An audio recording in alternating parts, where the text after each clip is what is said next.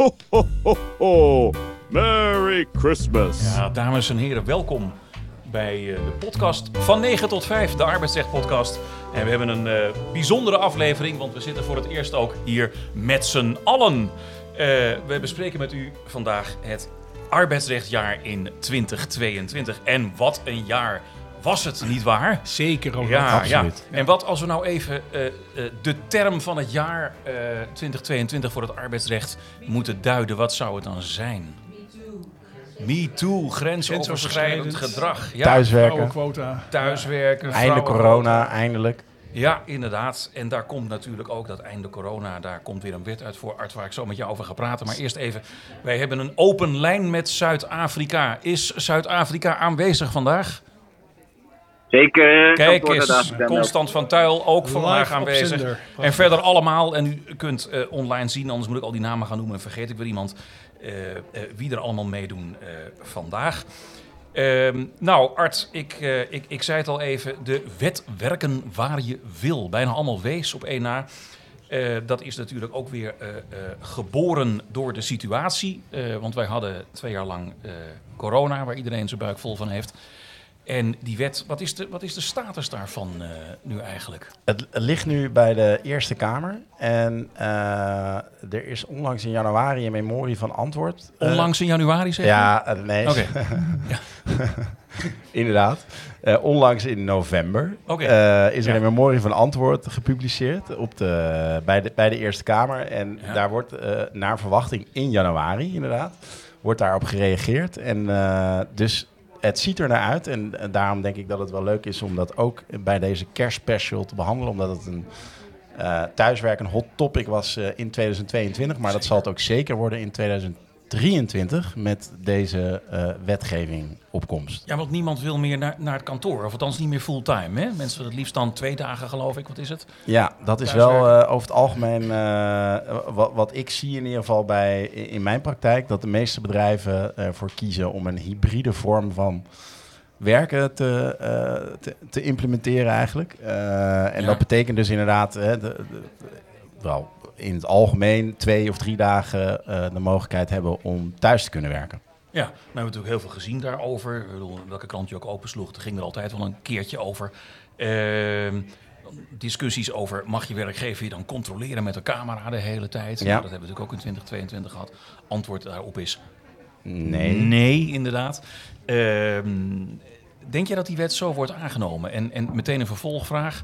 Hoe verhoudt zich nou die wet tot wat we eigenlijk al mogen? Eh, de eerste vraag, ja, ik denk dat de wet wel op deze manier zoals die nu ligt in de Eerste Kamer zal worden aangenomen. Dus ja, antwoord is ja.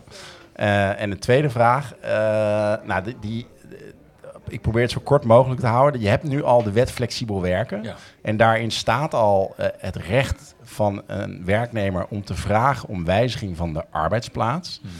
Maar dat recht is eigenlijk nog een vrij zwak recht. In die zin dat een werkgever eigenlijk vrij makkelijk kan zeggen nee. Eh, dus, en dat noemen ze dan right to ask. Dus voor de In werknemer. goed Nederlands, ja. Ja, precies. Ja. In goed Nederlands. Eh, right to ask en duty to consider voor de werkgever. Ja. Dus er gelden, eh, het is dus op dit moment nog vrij makkelijk voor een werkgever om te zeggen dat je het niet toestaat om thuis te werken. En dat willen ze iets moeilijker maken. In eerste instantie wilden ze dat heel moeilijk gaan maken voor een werkgever. Want in eerste instantie was eh, de, rijkwijde van deze wet... was dat een werkgever alleen maar met zwaarwegende bedrijfsbelangen... zo'n verzoek om thuis te werken kon weigeren. ja. Daarvan, we, ja. ja. precies. Nou, dat, dat, dat komt er in feite op neer dat een werkgever geen nee kan zeggen.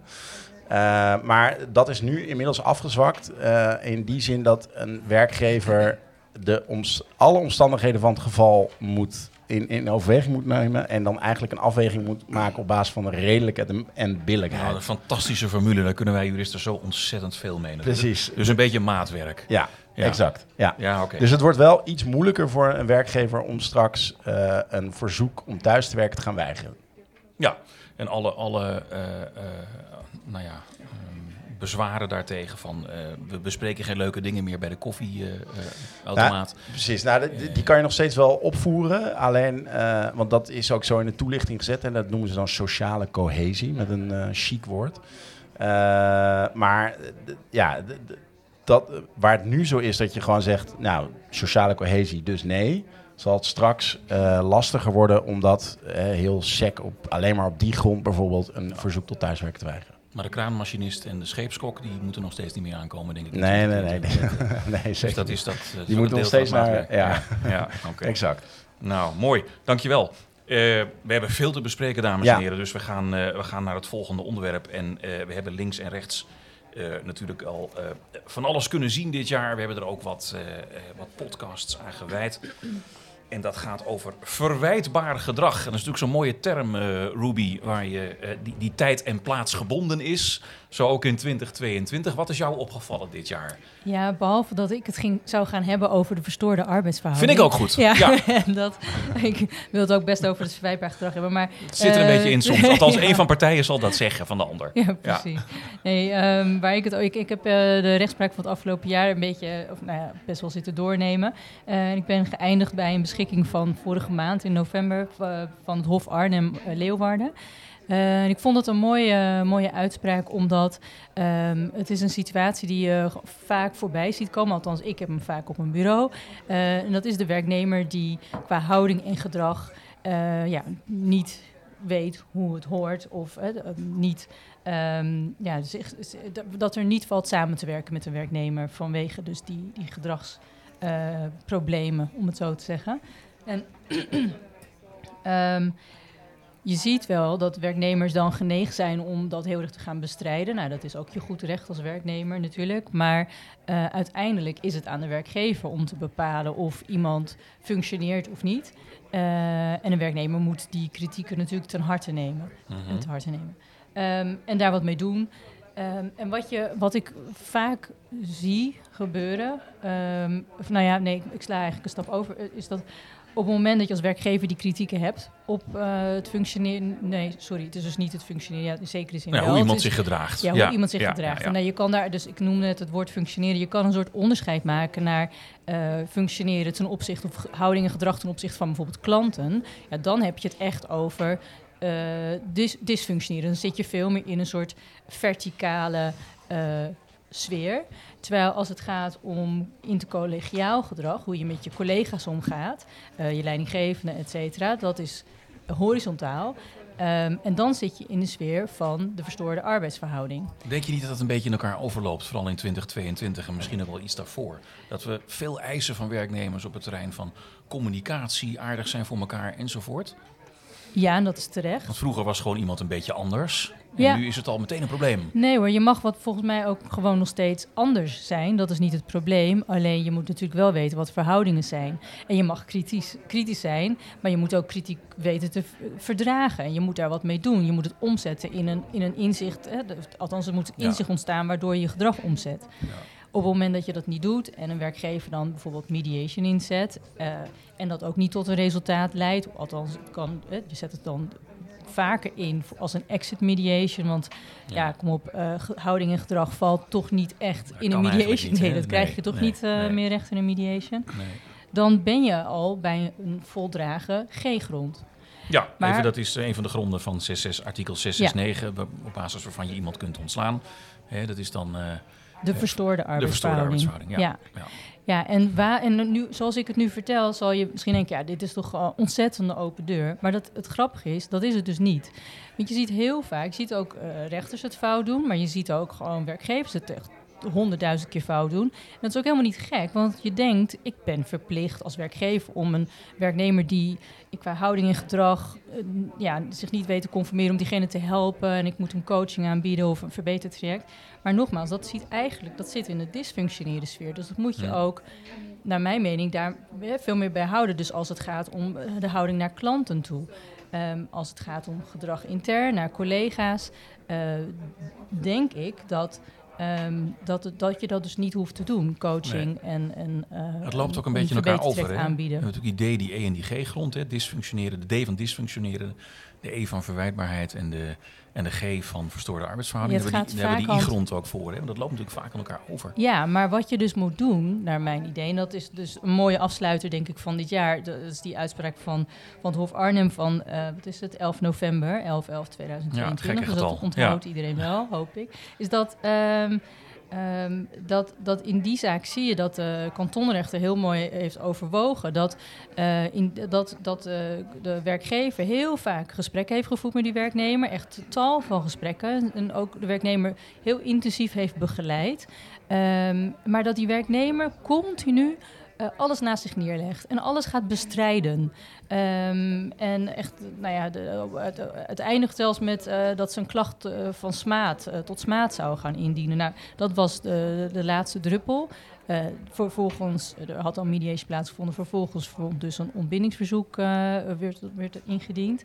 Ehm, en dan zie je dat de kantonrechter daarin dus heeft ontbonden, omdat ja, het dan niet nodig is in, bij die stand van zaken om een verbeterd traject of coaching aan te bieden, wat al niet in die grond zit. Hè? Dus al in, Nee. ja, precies. Dat, dat, eh, Nee, wie inderdaad zegt van, wie op voorhand al duidelijk maakt dat hij er toch geen zin in heeft, dat kun je, dat kun je natuurlijk dan. ja, nou, stoppen. Ja, Ja. nou ja, ik weet Ja. niet of ze er weet eigenlijk niet of ze geen zin in had, want ze vond haar baan. Ze was inhoudelijk ook heel goed. Ze was heel goed in haar werk. En dat zie je Dat is, dat is juist precies het onderscheid dat je moet maken.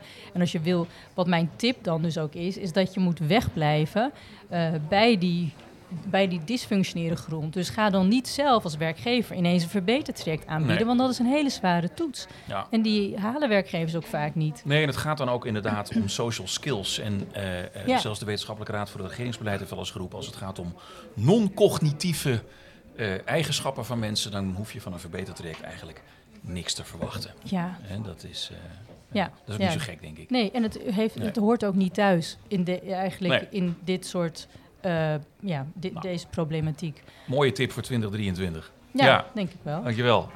Nou Arthur, nu gaan we ineens de techniek in. Techniek? Eh, nou ja, per 1 januari van dit jaar eh, kregen we de, nou ja, de quota. Het, ja, het wordt dan, eh, ik vind dat een rotwoord, het vrouwenquotum genoemd voor eh, eh, onder andere de Raad van Commissarissen. En ik zeg dat omdat dat ook nog speelde vrij recent bij Just Eat Takeaway. Ja. Eh en ehm, nou, vert- vertel ons eens even wat daar is gebeurd, hoe dat dit jaar is gegaan. Ja. Vooral met dat bedrijf natuurlijk. Even dat eh vrouwenquotum, dat noemen we vrouwenquotum, maar de wet die, die er is, die heeft net zo goed over een mannenquotum. Want een derde van de raad moet man zijn, een derde van de raad moet vrouw zijn. En de rest mag iets anders zijn. Ja, in de praktijk Eh, speelt het toch vaak niet zo heel, niet heel dat veel bij mannen, is mijn inschatting. Dat is Ja. helemaal waar. Maar Ja. dat wij het vrouwenquotum noemen is eigenlijk telegraaftaal. Want het is gewoon Oh, sorry. eh, Ja. veel genuanceerder. Bij Just Eat Takeaway, eh verdrietig bedrijf, want ze zijn net uit de AEX gedonderd. Omdat de familie Agnelli vanuit Milaan de beurs in Amsterdam is gaan bewolken. En dat is zo'n groot fonds dat Just Eat, Just Eat Takeaway uit de is gegaan. Maar ze zijn nog steeds een beursfonds en ze moeten zich dus houden aan die regel dat een derde van hun raad van commissarissen eh, vrouw moet zijn.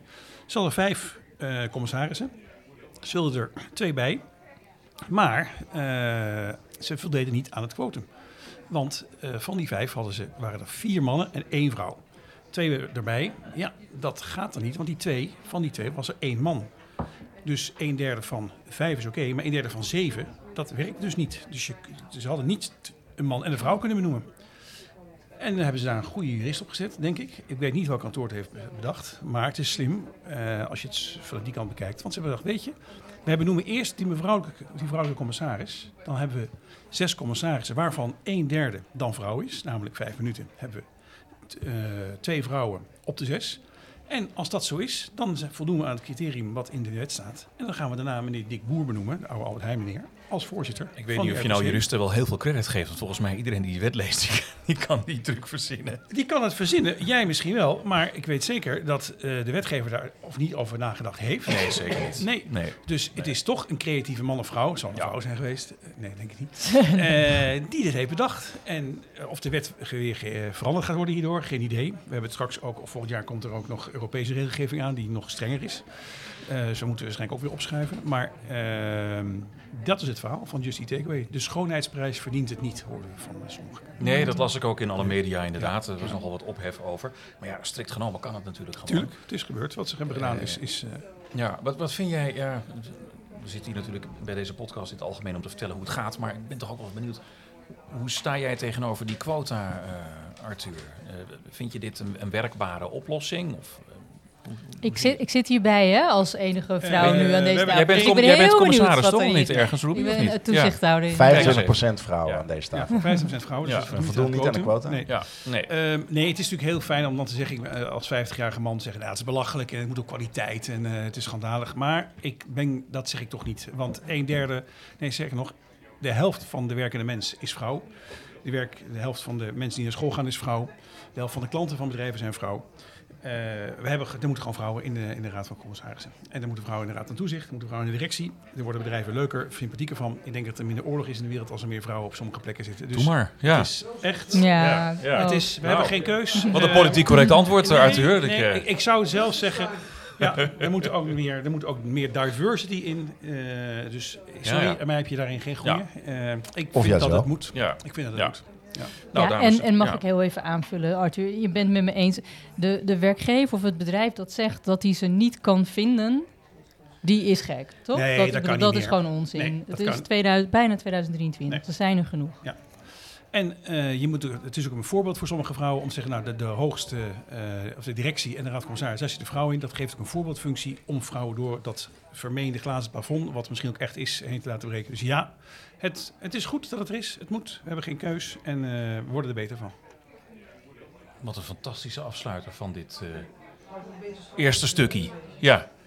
Dank jullie wel, eh, Nou, Art, Ruby en Graag Arthur. gedaan. Wij, eh, wij gaan naar het volgende kwartet. zo is het. Yes. Dan even opzender nu. Ja. Dat ging toch soepel in één Ja. Is zo. Hey, we houden gewoon al die, al die foutjes van er gewoon in. hè? Ja. Hallo, ja. Dag Thea.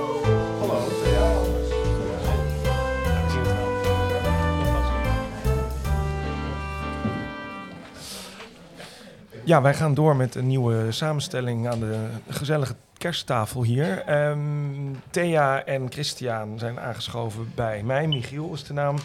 Wij hebben drie, Hallo. eh, drie blokjes, ja goedenavond, drie blokjes eh, bedacht waar we het met elkaar over gaan hebben.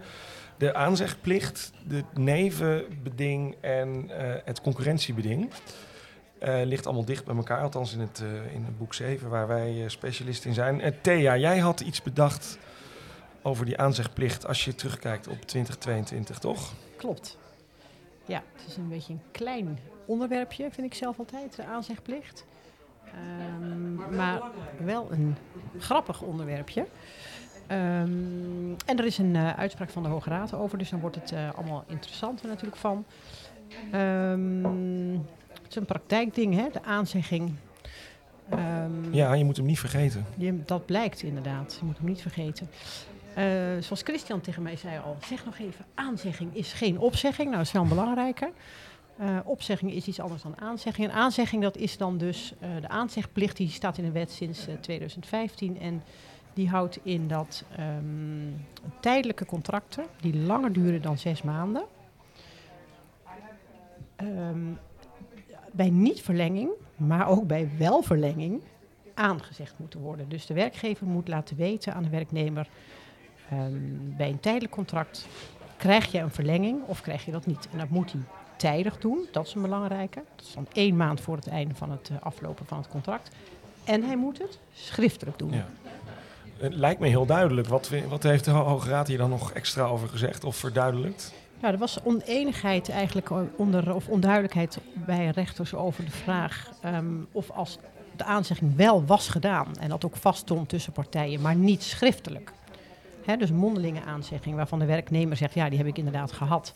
Mijn werkgever heeft laten weten dat mijn contract niet verlengd werd, maar het is niet op schrift gesteld. Of dan de boete die er op overtreding van dit beding staat, of die ook ehm opeisbaar was. Oké, dus eh, de werknemer betwiste niet dat hij was aangezegd. Het was alleen niet, op, was niet eh, per WhatsApp of per mail of per brief gegaan. Klopt. En is dat dan erg? En daar hadden je zou misschien denken, ja, dan weet je het toch. Dan is aan het doel en strekking van de wettelijke bepaling is voldaan. En zo is het. Maar, Ja, maar maar- wel of niet? Dan toch uiteindelijk niet. Rechters, eh, lagere rechters gingen kijken van ja, hè, wat, is nou, wat is nou eigenlijk erg? Want je wist het. En je had misschien ook al dus een nieuwe baan, want je wist dat je, dat je ergens anders aan de slag moest. Want dit liep af, dus er is geen schade. Eh, dus die legde dan die boete soms niet op, hè, die de werkgever dan eh, Mhm. eh, moet betalen. De boete is dan maximaal één maand salaris. Kan ook naar rato. Als je een dag te laat bent, dan hoef je maar een dertigste, denk ik, van een Ja. maand en zo verder. Maar maximaal één maand loon. Ehm, maar de Hoge Raad heeft daar dus nu iets anders over gezegd. Die heeft gezegd ja, dat ehm, die bepaling is van dwingend recht. En ehm, als een werkgever eh, daar niet zich aan houdt, dan kan je de consequentie daarvan, namelijk die boete, niet zo makkelijk opzij zetten met een beroep op de redelijkheid. Hè? Van Mhm. het maakt er niet uit of je had al een nieuwe baan. Precies, dan, ehm, dan moet er echt getoetst worden of ehm, het resultaat, hè, dus die boete naar maatstaven van redelijkheid en billijkheid, zoals het dan heet, onaanvaardbaar is. En dat is wel even een andere toets dan, eh, dan de de gewone redelijkheidstoets. Dus die, daar kom je niet zo gauw aan. Ehm, en ehm, de Hoge Raad zegt, dus daar moeten we streng op zijn. Het is een, eh, hele zware eh, lat die je moet halen. En eh, die haal je in principe niet. Het is een dwingend rechtelijke bepaling. Het is bescherming van de werknemer. Dus daar kom je niet zo heel gauw onderuit. Dus ook als de werknemer, zoals in dit geval, want het was natuurlijk een zaak hè, met, met, met echt een werknemer en echt een werkgever. ehm, waar de werknemer zelfs al een andere baan had. Mhm. eh, en er dus geen schade was in die zin, zei de Hoge Raad toch eh, helaas pindakaas eh, betalen. Ja, ja, dat zie je op zich natuurlijk wel vaker bij boetes. hè, Het is iets anders dan schade. Maar ze waren eigenlijk volstrekt helder. Niet op schrift is boete. Zo is het. Ook een beetje prikkel tot nakoming, denk ik. Hè? Wat jij net zegt met een, eh, een boetebepaling. Maar de, conclusie is eigenlijk die aanzegplicht. Als je, daar, als je die daar niet aan voldoet, dan ben je gewoon Ben je het haasje? ben je het haasje. En dat was dus niet zo. Hè. Dat is dus een aantal jaren eh, onduidelijk geweest. Dus Mhm. eh, er is best nog wel wat over geprocedeerd. Maar eh, het goed is, is dat nu afgelopen. Ja, dat, laten we het hopen eigenlijk. Want het is, er is eigenlijk best wel veel over eh geprocedeerd op kantonrechtersniveau. Ja. Terwijl ja, als je de wet leest, lijkt die mij tamelijk duidelijk. ja, maar je denkt ook weer... Duurt toch zeven jaar. En nog even een vraag. Wat is nou precies schriftelijk dan? Want eh, dan krijgen we ook weer van de werkgever die een WhatsApp bericht Ja, dat kan, gestuurd dat mag. heeft. Dat mag, geloof Ja, ja. Of- Nee, elektronisch, ze hebben het allemaal wel- e-mail, eh, rijst geschept papier, alles mag, zodat Ja. ik maar kan lezen. Het hoeft niet per aangetekende post. Nee, zeker Dat niet. sowieso Zeker niet. niet. Nee. Met Ehm, bewijs zit je meer met bewijs, toch? Dan is het wel, Nou ja, het als een het bereikt. moet, dan kan je het dus wel laten zien. Ja. Dat is natuurlijk Ja. wel... Ja. Oh, of het dan een ander heeft bereikt, ja, dat is weer een andere vraag. Ja, goed. Daar De zit twee je in een, vinkjes, eh, daar is ook wel boek drie theorie. over. Ja. of, eh, wanneer het eh, boodschap is binnengekomen. Laten we daar niet over beginnen nu. Ehm, het nevenwerk. 1 augustus was een belangrijke datum eh, afgelopen jaar. Aantal eh, nieuwe regels zijn toen in werking getreden. Die gaan we niet allemaal bespreken, want dat duurt best wel lang. Eh, jij hebt er één uitgelicht, Christian. Ja, dat is het eh nevenwerkzaamhedenbeding. Ja. Ehm mooi scrabblewoord. Nou, we hadden natuurlijk al heel Voor veel juristen. bedingen. proeftijdbeding, concurrentiebeding, wijzigingsbeding. Nu ook het nevenwerkzaamhedenbeding. We hadden hem natuurlijk Ja, die eigenlijk hadden we al. al, we hadden hem al, wel standaard in de arbeidsovereenkomsten staan. Ehm, alleen ehm, ja, is nu ook wettelijk vastgelegd dat ehm, nou ja, in beginsel de werkgever geen, eh, de, de werknemer niet kan verbieden om nevenwerkzaamheden te verrichten buiten werktijd. Tenzij daar een goede reden voor is. Maar de praktijk voor 1 augustus was juist dat dat allemaal wel kon, toch? Ja, je, maar kon verbieden wat je wilde. Ja, en had ja, je en nu- geen nu- goe- ja. hoefde niet per se een reden Ja, voor nu- te hebben. Ja, en nu is het dus andersom. Hè? Dus de, het uitgangspunt is, dan, het kan niet, tenzij. Dus dan moet je, eh, zoals dat heet, een objectieve rechtvaardigingsgrond hebben als werkgever. En die, die objectieve rechtvaardiging, dat is weer wat anders dan zwaarwegende bedrijfsbelang. En daar, daar, dat is een apart criterium. Kan je daar iets over uitweiden? Ja, dus eh, ja, dan moet het echt gaan om een objectieve reden. En dan moet je denken aan veiligheid, eh, gezondheid of eh, nou ja, bescherming van vertrouwelijke bedrijfsinformatie. Dus bijvoorbeeld een werknemer die bij een concurrent wil gaan werken. Ja, dan zal dat een objectieve rechtvaardigingsgrond zijn om toch zo'n verbod op te leggen. En is er al een uitspraak eh, door een kantonrechter gewezen na 1 augustus? Heb je die weten uh, op te ja, was even graven, want het is een vrij recente wet. Dus eh, nou ja, dat, dat zijpelt langzaam Ja. een beetje door. Maar ik vond er toch eentje bij rechtbank Haarlem. Ehm, in september al. En ehm, dat was een werknemster die ehm, runde een Airbnb. naast haar gewoon arbeidsovereenkomst.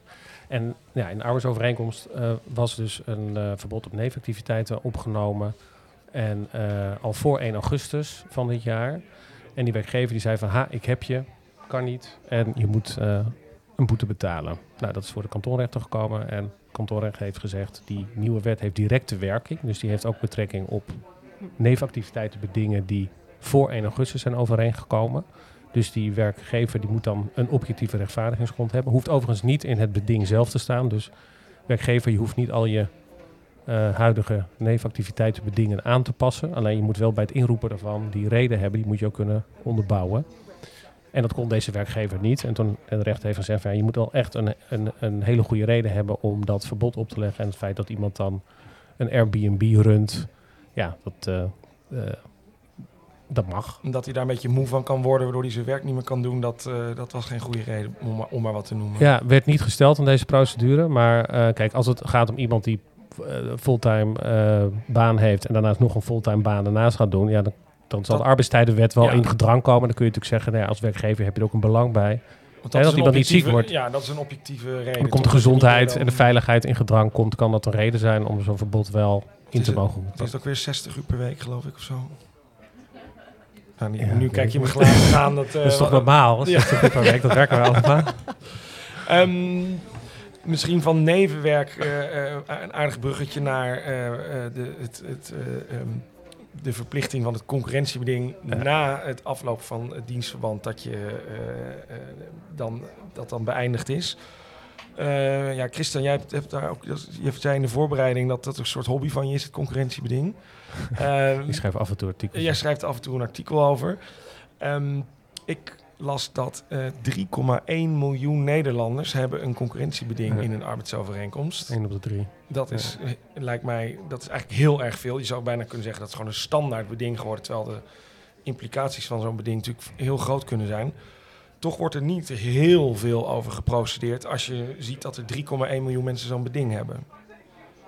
Ehm, er is natuurlijk tijd geleden is er in een tijdelijk contract moet je dat zwaarwegende eh, bedrijfsbelang opnemen. Wat, wat zie jij of wat, Thea, wat zien jullie in de praktijk? Redt zo'n werkgever het om een hè, door de bank genomen om iemand eh, als je het tijdelijk contract niet verlengt om die toch aan een concurrentiebeding te houden? Of moet je eigenlijk zeggen nou Nee. Nee. Nou, ten eerste is het natuurlijk zo dat als het er niet in staat, dan is het überhaupt al nietig. Ja. Maar ja, je, dat, die omschrijving van Ja. dat Ja. belang, ja, dat moet je heel goed Ja. omschrijven. Ja. Ja, ja. En ehm, nee, als je de rechtspraak ziet, dan, dan de meeste rechters die zetten daar een streep door. Die zeggen van ja, het is, het is vaak te algemeen eh, opgeschreven. Het moet heel specifiek zijn, hè, op de persoon gericht, waarom iemand eh, toch aan een concurrentieding gehouden moet worden. Werkgevers vinden dat ook moeilijk. Hè? Die zeggen, wat moet ik dan opschrijven? Dan denk je, ja, als je die vraag al stelt, Ja. hè, dan heb je dus misschien waarschijnlijk dat belang. En je moet het, Wel je moet niet. het En aan het begin en aan het einde moet je het kunnen aantonen. Hè? Dat, Precies. dat belang. Ja. Dus dat, dat, ja, ik zeg altijd tegen werkgevers, als je dat extreem belangrijk vindt, dat beding, dan kan je beter het in een, vast contract eh, met de werknemer sluiten. Want dan hebben we die toets niet. Of nog niet, Ja. kun je eigenlijk wel zeggen. Ja. Hè? Want er, Dan heb je een er- andere toets natuurlijk. ja, maar er is natuurlijk eh, een... eh, nou, nog even, want daarom had ik dat onderwerp uitgekozen. Er is wel een arrest van de, of een uitspraak van de Hoge Raad geweest dit jaar... dat ehm, de concurrentiebeding is niet bedoeld om werknemers te binden. Hè. Een bindmiddel in een krappe arbeidsmarkt, dat is in ieder geval iets wat ik best wel vaak hoor. Ja, we willen hem aan zijn beding houden, want we willen eigenlijk niet dat hij Ja. dat hij vertrekt. Eh, daar is de Hoge Raad vrij duidelijk in geweest. Dat is geen eh, geldig argument. Het, het enige wat eigenlijk geldig is, is bedrijfsdebiet. Ik heb dat eventjes eh, gegoogeld. Het bedrijfsdebiet is een woord dat komt alleen maar voor in de, Ja. de praktijk van de Ik wist concurrentiebeding. ook heel lang niet wat het betekende. Nee, de gemiddelde econoom kijkt je volgens mij glazen gaan. Dat wordt is alleen eh, Ja. eh, in onze praktijk als je een, een werkgever bijstaat. Dan moet je zeggen, ja, eh, het wordt, maakt een inbreuk op het bedrijfsgebied. Ja. Alles wat, wat een onderneming waardevol maakt. Is nou, dat Dus is wel grappig. Eh, Op Google vond ik inderdaad eh, het beste omschrijving. Alles wat een onderneming waardevol maakt, dat kun je rekenen tot het bedrijfsgebied. Dus goodwill, klanten, eh, Know-how. know-how. En dat de werkgever ook er moeite voor heeft gedaan om dat op te bouwen. Dus het moet ook niet vanzelf naar je toe komen. En dan kan je een werknemer natuurlijk aan een concurrentiebeding houden bij een vast contract. Ehm, er is ook commissie Borslap ingesteld eh tijd geleden. En die zijn ook met aanbevelingen gekomen. Wou ik er twee eh, met jullie bespreken. één aanbeveling, maar dit is allemaal nog in de kinderschoenen. Hè. Dit is nog geen wetgevingsproces. Eén is, je moet een zwaarwegend belang ook opnemen eh, in het vaste contract om een concurrentiebeding geldig te laten zijn. Hebben jullie daar, lijkt je dat een goed idee, slecht idee, neutraal? Nou, Ja, ik heb daar toch een beetje bedenkingen bij in die zin wat het uitmaakt. Want eh, uiteindelijk moet het toch getoetst worden eh, door een rechter. Hè, is dat of wel of niet een zwaarwegend belang is. En als, een werk, een, een- als werkgever moet je toch altijd wel een belang hebben om een werknemer aan een concurrentiebeding te ja, houden. het zou wel iets zwaarder worden, zoals je En- het nu- Ja, veel zwaarder. Ja, Jawel, maar dan er moet uiteindelijk nog de werknemer dan naar de rechter stappen om uiteindelijk dan die schorsing of vernietiging van het concurrentiebeding. Ja, maar, elkaar maar te nu is er krijgen. natuurlijk gewoon een belangenafweging die vindt plaats. Hè? En die is ehm, toch even ietsje minder heftig natuurlijk dan dat je een zwaarwegend Ja. belang moet hebben. Dus Ja. daar, daar zou wel even wat veranderen dan. Ja, maar dat is ook, het idee is ook dat er wat moet veranderen. Ja. Want ze zeggen dat de arbeidsmarktmobiliteit eh, afneemt. En 3 miljoen mensen die zo'n beding hebben, hè, dat, dat vindt Ja. men eigenlijk te veel. Dat is Mm. gewoon een te zware last. Het is niet in balans met je, het grondwettelijke recht om te werken waar je wil. Hè, vrije arbeidskeuze. Ja, mijn indruk is dat overigens niet hoor. Dat, dat het nou echt een belemmering is. Het is natuurlijk wel vaak een, onder, een onderdeel van de discussie bij vertrekkers. Maar ja, werkgevers roepen het dan vrij makkelijk in misschien. Hè, van hé, je kan niet, je hebt een, een concurrentiebeding. En dan ga je natuurlijk die belangenafweging maken. En dan blijft er toch vaak niet zoveel van over. Hè? Nee, eh, Dus uiteindelijk valt het denk ik nogal mee. Dat mensen daardoor echt gebonden... Als je het moet, ga je procederen. En als er geen, geen, geen, hè, geen belang is dat zwaarder weegt dan het belang van de werknemer... dan kom je er gewoon wel doorheen. Dan kom je er wel vanaf. Maar daar wordt ook helemaal niet zo vreselijk veel over geprocedeerd. In Nee. mijn... Nee, dat, ja, de afgelopen jaar dus één uitspraak van de Hoge Raad over dat het geen Ja. bindmiddel mag zijn, maar het echt alleen maar gaat om dat bedrijfsdebied. Ja. Verder wordt meer als nieuws. poging ingezet om mensen te houden, Ja, van strategisch. Ja. eh, Ja, voor, de, onderhandelingen ook. Zware Ja, als onderhandelingen. ruilmiddel in, eh, ingezet van nou, we laten concurrentiebeding vallen en dan... hè. Precies, ja. En, en het laatste punt, wat, dat vind ik ook wel interessant, eh, dat zie je ook wel in landen om ons heen. België heeft het, Duitsland geloof ik, eh, dat je dus een vergoeding moet Ja. betalen als je iemand aan het beding houdt. En als je dat niet doet, dan kan die persoon gewoon doen wat hij wil. Wat, eh, hoe zien jullie dat? Ja, ik, ik, ik, ik denk dat er wel iets voor te, te zeggen valt, heel eerlijk gezegd. Want eh, dat de werkgever dan ook echt een, een, erover nadenkt, wil ik het inroepen of niet? Hè? En ehm, aan de andere kant zou je ook kunnen zeggen, ja, een werknemer die wellicht eh, ook bij, eh, nou ja, niet zozeer bij, die al snel een andere baan heeft, Mhm. die krijgt dan ook een vergoeding. Hè? Ja. Dus dat, Ja, je zou dan misschien, dat vind ik in ieder geval, je moet wel een opt-out erin opnemen. Dat je de, eh, ook kan zeggen, nou, die vergoeding die- betaal ik niet. Maar dan mag die werknemer ook doen wat hij wil.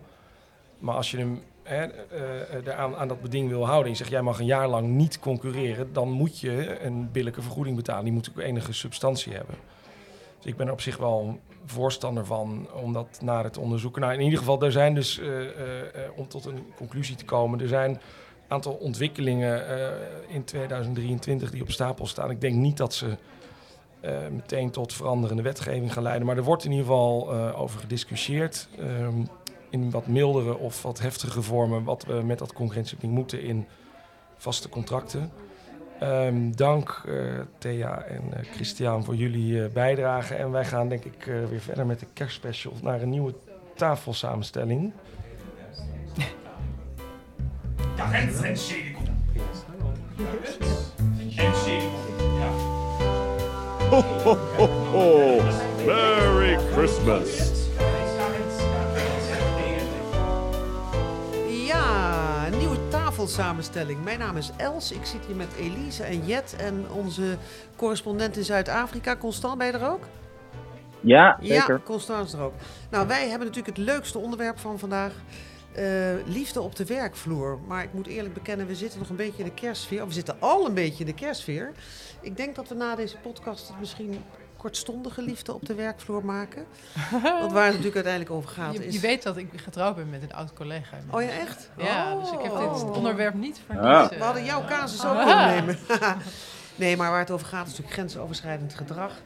Ehm, Ja, Want daar gaan, ja, ja. daar, toch, daar gaan uiteindelijk de procedures over. En waar gaan die dan over? Over ontslag, over wat voor een ontslag, ontslag op staande voet.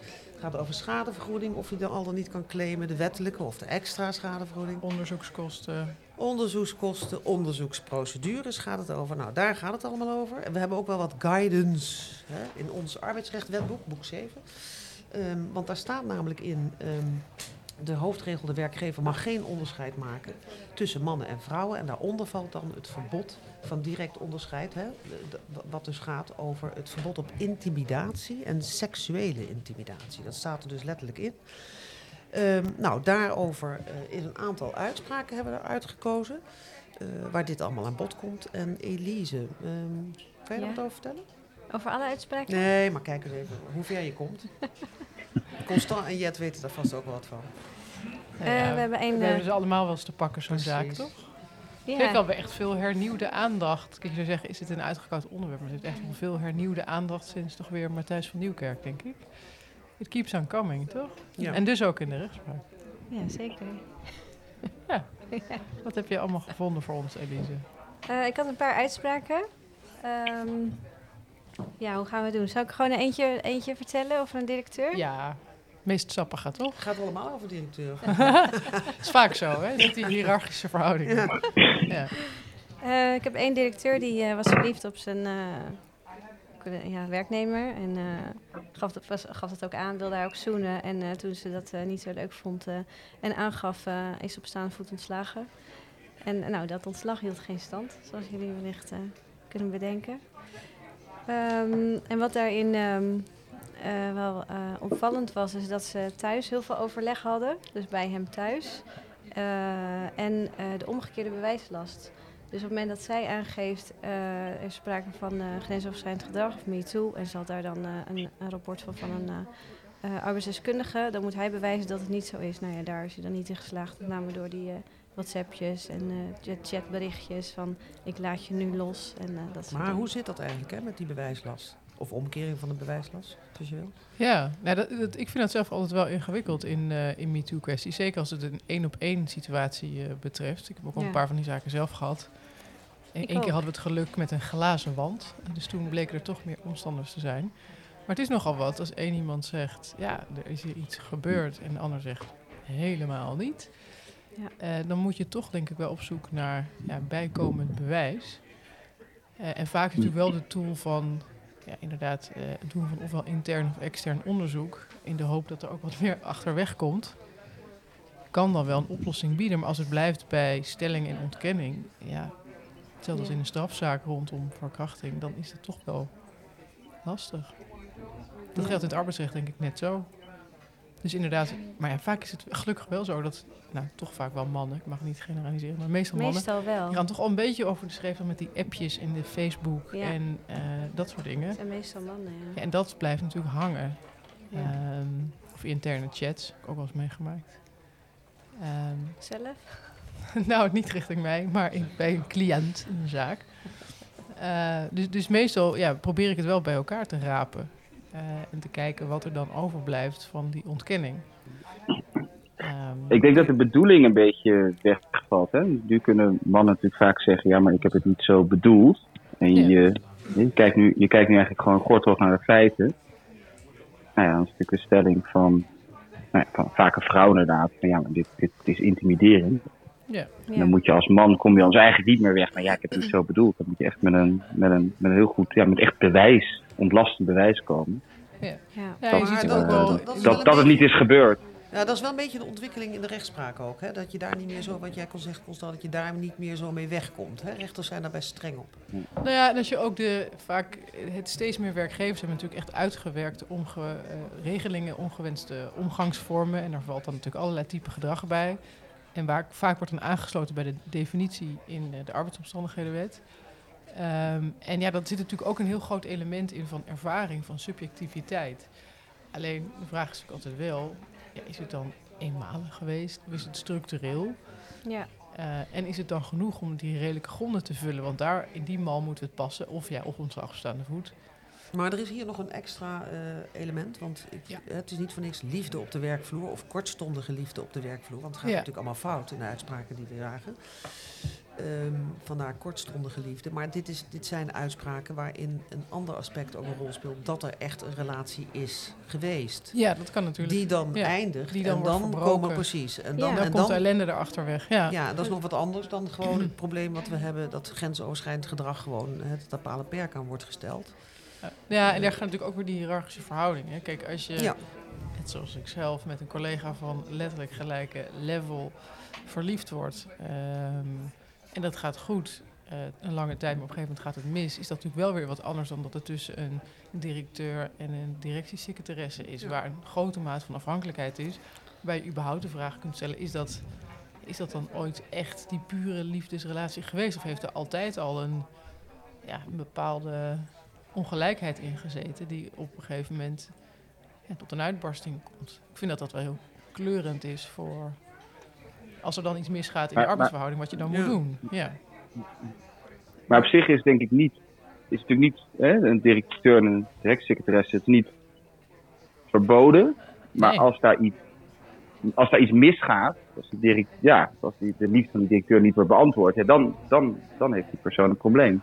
Ja, maar ik, zou ook zeggen dat als je dus daadwerkelijk op een gegeven moment echt verliefd wordt en die relatie krijgt, zou ik als ik eh, partijen was, de partij klinkt zo formeel, de betrokkenen, de man en de vrouw in kwestie, ja, denk ik wel dat melden bij werkgever, dus een mededirectielid of een raad van commissaris en afspraken maken, ga je dan in die rol wel door? Is het dan niet verstandiger om ja, gewoon wat anders Ja. te gaan doen? Want Ja. dit soort, dit, dit- ja, dit, dit gaat natuurlijk, het is vrij voorzienbaar dat iets misgaat. Ik geloof dat één op drie huwelijken in Nederland strandt. Dus dat geldt ook denk ik voor relatie op de werkvloer. Ik denk dat een van die rechters, Elise, in die uitspraak heeft het ook gezegd. Hè? Die zei, je moet het in ieder geval wel melden, Ja, zeker. intern. Maar dat is toch een ander aspect, want in een van die uitspraken, misschien weet jij welke, Elise, kwam ook naar voren eh, dat iemand zei van ja, maar dit speelde zich af in de privésfeer.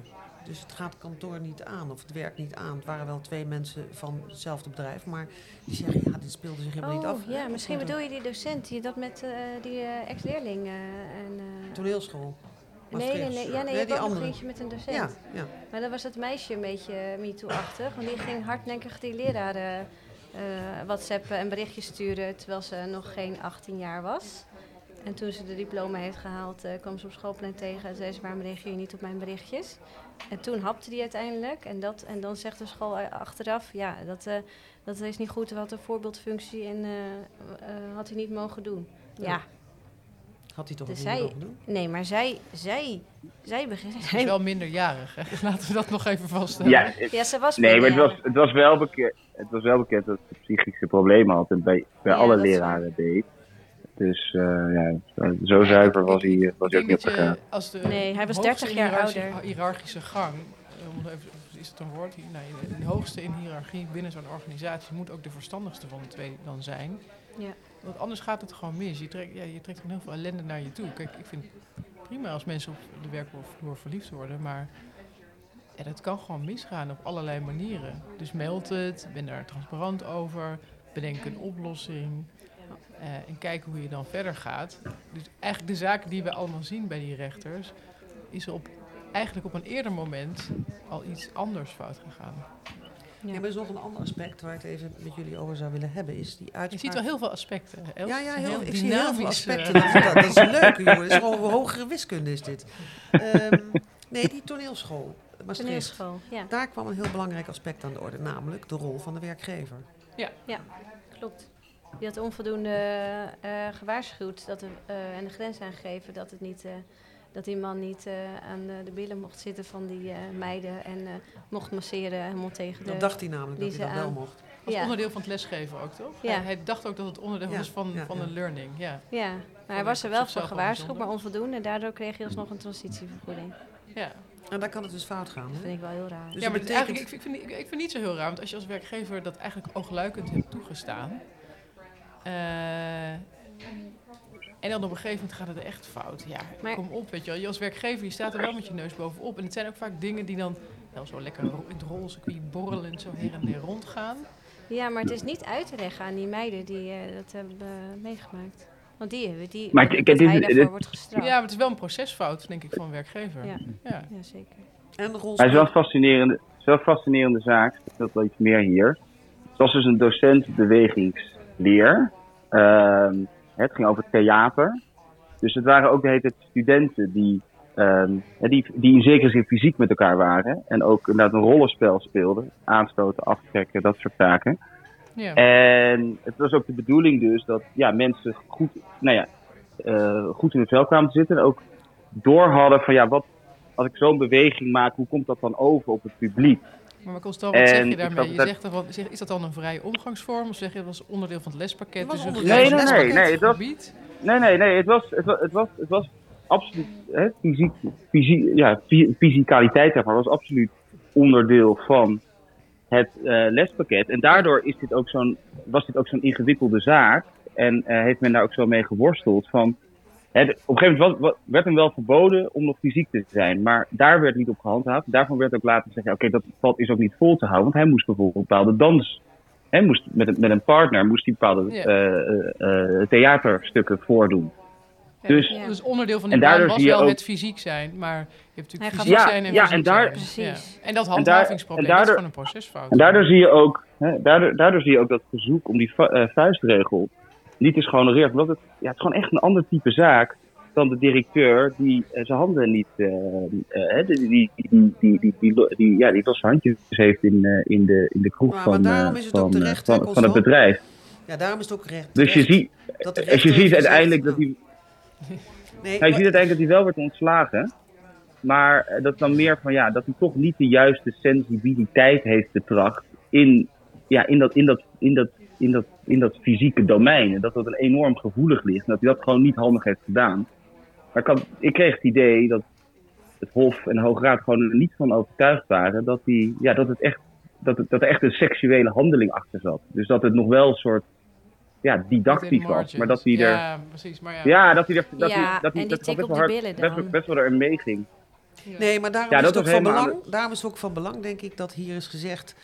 Let ook op de rol van de werkgever. Die had hier, Ja. het was gewoon een curriculum, zou ik maar zeggen. Die had hier met die man over moeten praten. Maar dat hebben ze niet Dat echt gedaan. niet gedaan. Ja, ja. Nee, maar dat lijkt ook een beetje op die zaak van die matroos op dat dek. Ik weet niet of jullie die kennen. Eh, ja, dat is ook een smeuig stukje, stukje Vertel, ja, jurisprudentie. vertel. Het was een matroos, of nee sorry, ik zeg het verkeerd, een kapitein op een schip. En die liet voor geld eh, zich masseren door zijn matrozen. En het was allemaal all in the know dat hij dat deed. En dan deed hij dat dus nakend. Ja, op het dek. En toen op een gegeven moment zei die werkgever, toen hij dat hoorde, ja, eh kan niet, hè? Eh, maar die vent heeft het gered, want die zei, ja, iedereen wist het. Het was volledig transparant. En toen men mij confronteerde met het feit dat dit ongewenst was, ben ik er ook gewoon mee gestopt. Heb ik gewoon gezegd, oké, prima, doe ik dat niet meer. Maar het was ook een beetje een bijverdienste voor die matroos. En ik heb niemand gedwongen. En ze gingen ook allemaal om de beurt en zo. Eh, Maar dan zie je dus ook gewoon wat is, ja, wat is ook normstellend. Wat is ook, je ziet toch een soort van cultureel as- aspect, denk ik, ook aan. En hoe transparant ben je ook, zeg maar. Het is niet alleen voldoende dat je policies, regelingen, alles hebt en de mensen daarop opmerkzaam maakt, maar ook Nee, handhaaft en ernaar handelt. Ja. Ja, ja. En ik, ik snap deze wel in zijn soort, deze eh, kapitein op dat dek. Maar eh, ja, gevoelsmatig is het toch een beetje lachwekkend dat dat gewoon dan dus kennelijk kan. Het is wel jammer dat het niet Kon. kan eigenlijk. Hè? Ja. Nou, dan nog even over de, eh, eh, eigenlijk over procedures. Daar valt dat denk ik onder. Ehm, Gijs van Dijk, PvdA-Kamerlid. We hebben allemaal gelezen waar dat allemaal over ging. Maar interessant daar is natuurlijk de rol van een onderzoeksbureau. Ja. Ja. Ehm, Ja, dat kan Dat ook. was, eh, El- Els kijkt vragend om zich ik heen. kijk, ik kijk eh, Ja, nee, ja, wat, ik- ja dit, we hebben eerder een eh, podcast ook gemaakt natuurlijk over eh, onderzoeken en do's en don'ts. En dit kwam daar, daarna. En ik vind in deze podcast waar we het hebben over liefde op de werkvloer kan dit niet eh, ontbreken. Dan ging het bij de heer Van Dijk bij de PvdA niet zozeer om liefde. Maar waar het inderdaad om gaat is, is die, die procedures. Een onderzoeksbureau wat best bekend is in arbeidsrechtlang, denk ik, Schuwat en Beesmer, als ik het goed uitspreek. Ja, andersom. ja. Oh, nou ja, goed. Eh, dat bureau. Eh, die deden onderzoek. En eh na achteraf vond, men vond en bleek niet goed of niet goed genoeg. Procedureel niet zuiver. En deze meneer Van Dijk en zijn advocaat hebben gedacht... Ja, wat gaan we daar nou tegen doen? Even los van de redactionele consequenties en contractuele consequenties. Die hebben ook gewoon eens even gekeken... mochten zij überhaupt op die manier dat onderzoek doen. En uiteindelijk hebben zij eh, aangifte gedaan bij de politie, omdat ze, even makkelijk gezegd, niet over een recherchevergunning beschikken. Ja, dat heeft hij gedaan. Hè? Zijn Dat heeft hij Ja, gedaan, ja, zijn advocaat. Ja, dus tegen dit eh, onderzoeksbureau. Het heeft best wel wat bewe- in, ja, in beweging gebracht onder die onderzoeksbureau. Ik weet niet, Elise en Els, of jullie dat ook eh, hebben gemerkt. Maar het gebeurt best regelmatig als arbeidsrechtadvocaat... dat je natuurlijk op zoek bent naar een partij die onafhankelijk onderzoek kunt doen. De meeste van die bureaus die hebben dus niet zo'n vergunning. Sommige wel, sommige waren in het proces om die te krijgen. En ik begrijp dat het gaat om een vergunning van het bureau zelf... en eigenlijk ook nog van de betreffende onderzoeker of rechercheur. Ehm, en ik heb het allemaal gelezen en ik heb die regelgeving bekeken. Maar het onderzoeksbureau zei, dat is wel interessant, vond, Ja. ik, vond ik interessant tenminste. Eh, wij hadden die vergunning niet nodig. Wij doen geen onderzoek omdat er naar strafbare feiten Precies. of de strafbare feiten zijn gepleegd. Maar ze zeiden, wij doen onderzoek naar sociale veiligheid. Ja. En daarom hadden wij geen vergunning nodig. Ik weet eerlijk gezegd niet wat hiervan is gekomen. Hadden ze nou wel of niet uiteindelijk een vergunning Dat nodig? volgens mij is het nog niet. eh, zij hadden geen vergunning. Nee, hadden ze niet, maar hadden ze hem eigenlijk nodig. Nou, dat, is- dat is de vraag. Ik Weet denk dat het die niet. vraag nog niet definitief Nee. is beantwoord. Maar ik weet wel dat al die bureaus nu als de wielen weer gaan proberen die vergunning te krijgen. Maar eh, als, je, als je die wetgeving leest, is de definitie van wanneer heb je zo'n vergunning nodig. Wij als advocaten bijvoorbeeld zijn daarvan uitgezonderd. Maar ehm, ja, enerzijds kan je het heel breed opvatten. Dan zou je inderdaad zeggen, ja, als je dit type onderzoek doet, moet je een hebben. Maar anderzijds, gevoelsmatig, ja, dit gaat best wel vaak, vind ik, in die onderzoeken toch ook gewoon een vrij platte feitenvaststelling. Want je kan natuurlijk aan een onderzoeksbureau vragen: Goh, kan je de feitenvorm op een rijtje krijgen door mensen te horen, wederhoor toe te passen enzovoort? Of doe mij ook advies en aanbeveling over wat je aantreft. Ik vind als je, zeker als je beperkt tot die eerste categorie, ja, iedereen die, die geschikt is om goede vragen te stellen, als je maar die principes van hoor en wederhoor en goede procesvorming en op tijd en echt goede verslaglegging eh, en echt niet sturend en echt onafhankelijk, ja, eh, Dan zou je die vergunning, vergunning is dat wat mij betreft niet, niet een, vereiste, nee. Maar er toch, als het, als het neigt naar het, als het neigt naar het strafrechtelijke. Dus het, de, volgens mij hadden ze die, de, hun taakstelling vrij breed opgevat. Was het Ja. niet alleen over nou ja, sociale onveiligheid, maar daar kan, kan je ook even kijken of eh, de administratie goed gedaan is en dit en dat. En Ja, die onderzoeksvraag was vrij breed. gezegd. Ja, ja, dat is- Ja, ja, dat is dus daardoor werd het meer een soort ja. algemene recherchewerkzaamheden. Ja, dus klopt. ik denk, ik denk dat daar wel een beetje het gevaar. Ik me af of het OM dit interessant genoeg vindt om echt iets mee te doen. Het is toch, het is toch een beetje. Ja, nou ja. maar het is publiek natuurlijk. Maar- Wat vind jij dan, Constant, als je zegt, je- beperkt je puur tot feitenvaststelling over ongewenste omgangsvormen, waar we het vanmiddag over hebben? Ehm, vergunning of niet? Nee, nee, maar hier, hier hadden ze ook iets. Nee, nee, nee. Maar hier hadden ze ook, hadden ze ook een, een oordeel over een strafrechtelijk eh, aspect zelfs. Dus er stond ergens in het, ehm, ehm, in het, in het rapport stond een strafrechtelijke kwalificatie. Ja, dat is natuurlijk heel onhandig. Nou ja, wat hier ook fout is gegaan Ehm. is, in de opdracht stond, de, heb- er moest ook onderzocht worden of die eh reiskostenvergoedingregelingen had overtreden. Ja. Eh, overmatig alcoholmisbruik, onwaarheid Ja. spreken over ziekenhuisopnames. Dus dit gaat op een heleboel punten fout. Hè? Ja, en onwaarheid. is Dus dan- dan wordt- dan- dan- Ja, dat kan een feit zijn natuurlijk. Ja. Dan gaat het een beetje van een hele specifieke opdracht naar algemeen recherchewerk. Dus daar, daar, zit, daar zit het risico in. Ja.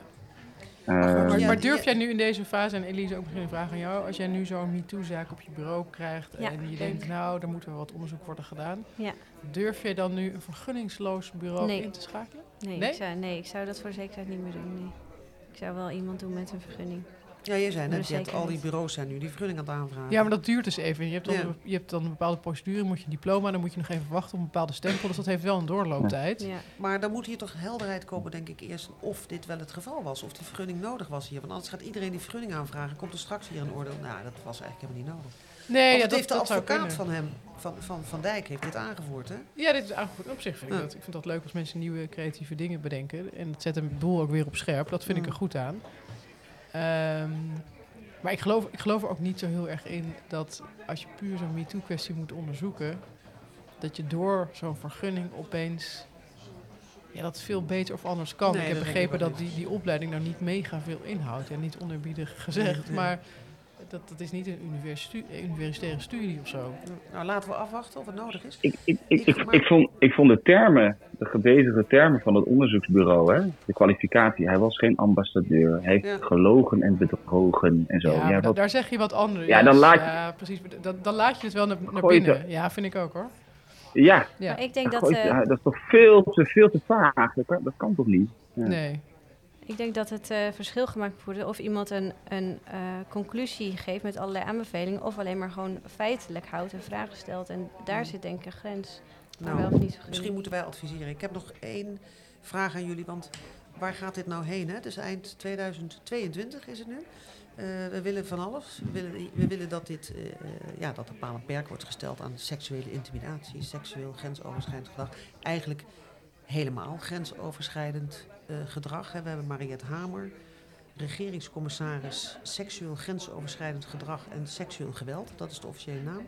Zeker. Zij heeft drie jaar om eh, aanbevelingen te doen om te kijken hoe we dan, eh, ja, ik denk met wetgeving op andere manieren hier eh, iets aan kunnen doen. Eh, ik heb gisteren toevallig een, eh, haar aangehoord. Ergens, zij zei, het onderzoek was al, ehm, dat is best wel, wel beangstigend. Onderzoek geeft nu al aan dat één op de twee vrouwen ermee te maken heeft gehad, in wat voor vorm dan ook, met fysiek. Op de vloer, op de werkvloer. Nee, gewoon één op de twee vrouwen. Überhaupt En één op de vijf mannen, ja. laten we dat niet vergeten, want het komt ook andersom voor. Ehm, en zij zegt, naar verwachting, als we meer onderzoek gaan doen, wordt het nog wel meer. Hè? Dus dat, dat het nog wel ernstiger is, dat verwacht Ja. zij. Ehm, College voor de Rechten van de Mens, hè, kan je ook heen natuurlijk met dit soort eh, klachten. Die hebben ook al aanbevelingen gedaan aan de overheid of die vinden dat er meer wetgeving moet komen. Denken wij dat het, eh, dat is nog een laatste vraag, denken wij dat het met wetgeving op te lossen is? Of zul je echt binnen de organisaties aan cultuurveranderingen moeten werken? Ja, kijk, ik ben wetgeving net zoals altijd. Dat, dat schept het kader. En je moet het met elkaar gaan doen en met elkaar gaan invullen. Dus je hebt allebei heel erg hard nodig. Eh, en ik denk dat de laatste Matthijs van Nieuwkerk nog niet is opgestaan. Dat denk ik ook niet. nee. Nou, kortstondige liefde op de werkvloer was het dan toch? Ja, en, en overigens... eh, Overigens, Jet, wat wij zeggen. nou, ik wil zeggen dat... Ik vind altijd wel de naming en shaming. Daar heb ik altijd wel moeite Ja, mee. ik ook, ja. Eh, dus ik ken Matthijs niet. eh, en ik weet niet wat hij heeft gedaan. Maar volgens nog heeft hij van mij de benefit of the doubt... Ja. totdat we echt heel veel meer weten. Ja, en dat is lastig, want schade is natuurlijk wel... eh, Verschiet, eh, ja, het precies. dat is juist het probleem. Ja. Maar dat is- kunnen we een hele aparte podcast over maken. Ja, past ook niet in de kerstgedachte. Nou. Nee, laten we met iets vrolijks afsluiten. Nooit meer Me Too. Jingle bells, jingle Mhm, bells, jingle mhm, mhm. all the way. All the way! Joehoe! Nou, Constant, we zien je zo, hè? Happy holidays!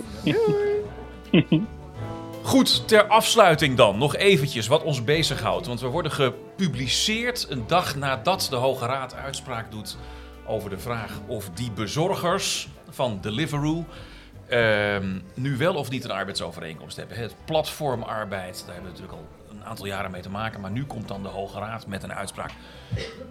Wat denk jij, Jet? Wordt dat wel of niet een arbeidsovereenkomst? Het wordt een arbeidsovereenkomst en ik hoop dat dan ergens de zin valt. En nu is de wetgever aan zet. Ja, daar is het laatste woord nog niet over gezegd. Ja, Els, wat denk jij? Nou, ik ben heel saai, maar ik ben het volledig met Jet eens. Ja, ja.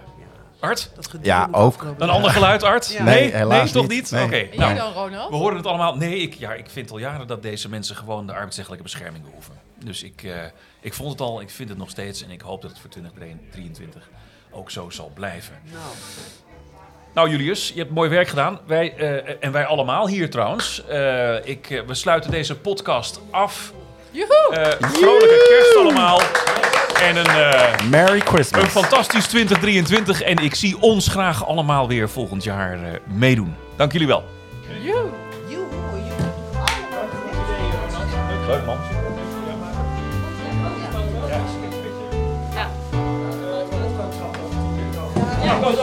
Marruecos.